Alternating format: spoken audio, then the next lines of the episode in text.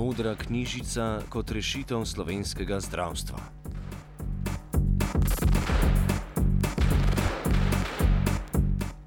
V dopodanskih urah je potekala opozorilna enourna stavka zdravnikov združenih v sindikatu Fides.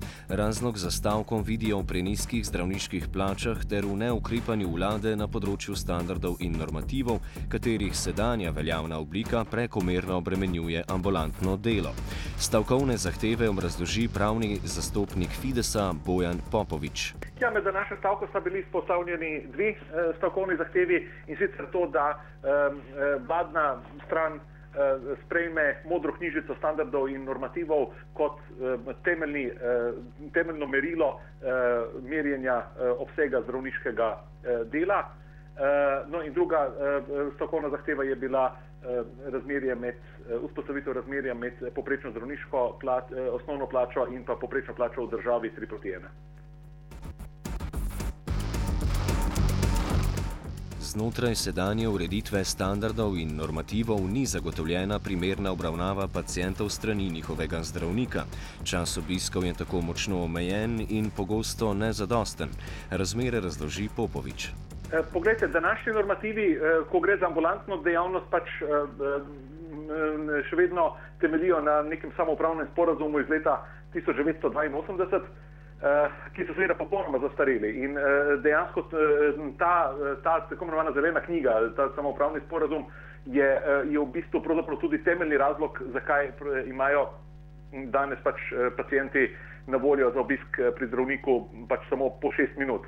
Ehm, eh, zato, ker in zakaj je pač v bistvu obravnava pač takšna, kot je, zakaj je napotitev eh, toliko, kot je, zakaj so poti, da nekdo pride v bistvu do nekega zdravljenja takšna, kot je. Pač to je, ehm, to je pač sedanje stanje, ki, kot rečeno, je zatečeno stanje že več kot 30 let in ehm, je, je tudi v bistvu razlog velike večine nezadovoljstva na, na ambulantni ravni. Eh, podobno tudi na hospitalni ravni je seveda pač problem to, da so tudi normativi kot po sistemu financiranja, kot ga imamo pač pri nas vzpostavljenega, pač enostavno je neprimerljiv s sistemi, z urejenimi sistemi in pač temelji spet na, na, v bistvu na formulah iz prejšnjega sistema, medtem ko seveda bi mi želeli, da, je, da so pač tako, kot jih ima po celem svetu. In zdaj seveda, če bi uvedli potem eh, po delo po naši pač modri knjižici standardov in normativov, bi potem tudi naši pacijenti bili pač oskrbljeni na način, kot je pač so to trendi v, v razvitem svetu. Neprimerni standardi pa pustijo, pardon, neprimerni standardi pa pustijo posledice na ostalih družbenih sistemih. O tem, kakšni so negativni učinki neurejenih razmer, nadaljuje Igor Muževič iz sindikata Pratik Um, ki je današnjo stavko Fidesa podprl.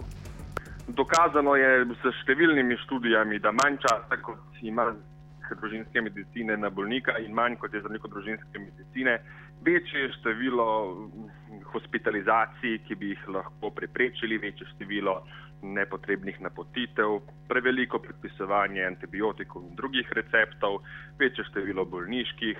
Skratka, obstajajo neki krni izračuni, da za en uložen evro v družinsko medicino dobimo 3 evre prihrankov v celotni zdravstveni blagajni.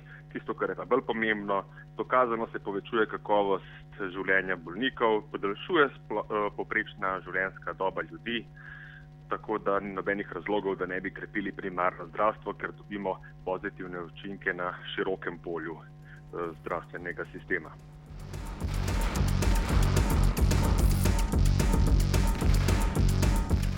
Stavkajoči zdravniki zahtevajo, da se standardi in normativi uskladijo z dokumentom Modra knjižica. Kaj bi to pomenilo, nadaljuje Popovič. Uh, ja, poglejte, na ambulantni ravni pač to pomeni to, da bi imel na primarni ravni zdravnik 1500 tako imenovanih glavarinskih količnikov, kar pomeni, da bi imel približno 30 odstotkov manj opredeljenih pacijentov kot danes, kar seveda pač pomeni, da bi pač posam, za posam, posamezni pacijent videl najmanj za eno tretjino več, bi imel najmanj za eno tretjino več časa bolj Eh, na voljo svojega izbranega osebnega zdravnika. Na uh, sekundarni ravni pač to pomeni, da bi, bi rekel, standardni pregled trajal 20 minut, danes standardni pregled traja 7 minut. Na hospitalni ravni pa pač pomeni to, da se, pač, da se lahko pacijentu posveti, da bo pač vsaj videl svojega lečečega zdravnika, osebni, da pač pacijent, da se bo lahko z njim pogovoril, da mu bo dal vse informacije in tako naprej.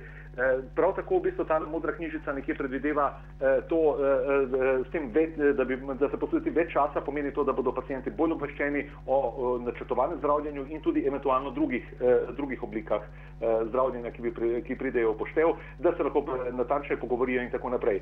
Hkrati pa seveda to pomeni jasno tudi manjše število obravnav, manjše število napotitev, manjšo obremenitev javnega zdravstvenega sistema, ker bo pravzaprav pacijent na manjše število točk, ob manjše število kontaktov lahko v bistvu vse opravil. Zahteve Fidesa prepoznavajo kot legitimne tudi znotraj zdravniške zbornice, katere stališče povzame njen predsednik Andrej Možina. No, v zdravniški zbornici presojamo, da je eh, protest, torej današnja enourna uh, uh, stavka, ne bolj protest uh, zdravniškega sindikata, ki je povsem legitimen in ga uh, v zdravniški zbornici Slovenije podpiramo. Eh, prvič eh, ga podpiramo zaradi tega, ker je temeljna zahteva uveljavitev standardov in normativov zdravniškega dela, ki pravzaprav so namenjeni varni obravnavi bolnikov. Pomeni, da imajo zdravniki dovolj časa za obravnavo in dostojno, predvsem dostojno komunikacijo z bolniki. Eh, to je najpomembnejša stvar. To podpiramo toliko bolj, eh, ker je gre za dokument, ki je pripravljen v strokovnih krogih, v katerem ne, je eh, zelo sodelovala zdravniška zbornica že pred šestimi, sedmimi leti. In to, da se taki dokumenti prešijo v predaljih Ministrstva za zdravje, je seveda nedopustno tako kot je nedopustno, da deset let uh, se prizadevamo izvesti zdravstveno reformo in jo ne moremo.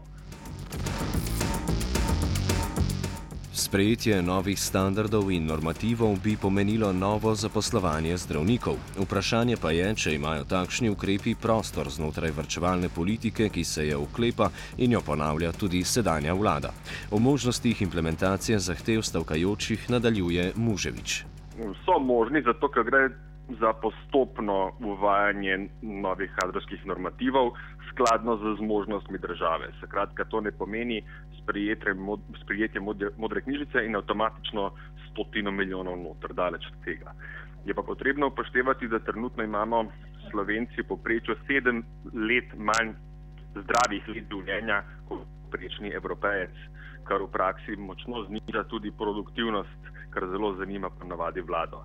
In če se za eno leto poveča število zdravih let življenja, poprečno tudi BDP zraste za 2,7 odstotkov, kar je približno milijarda evrov.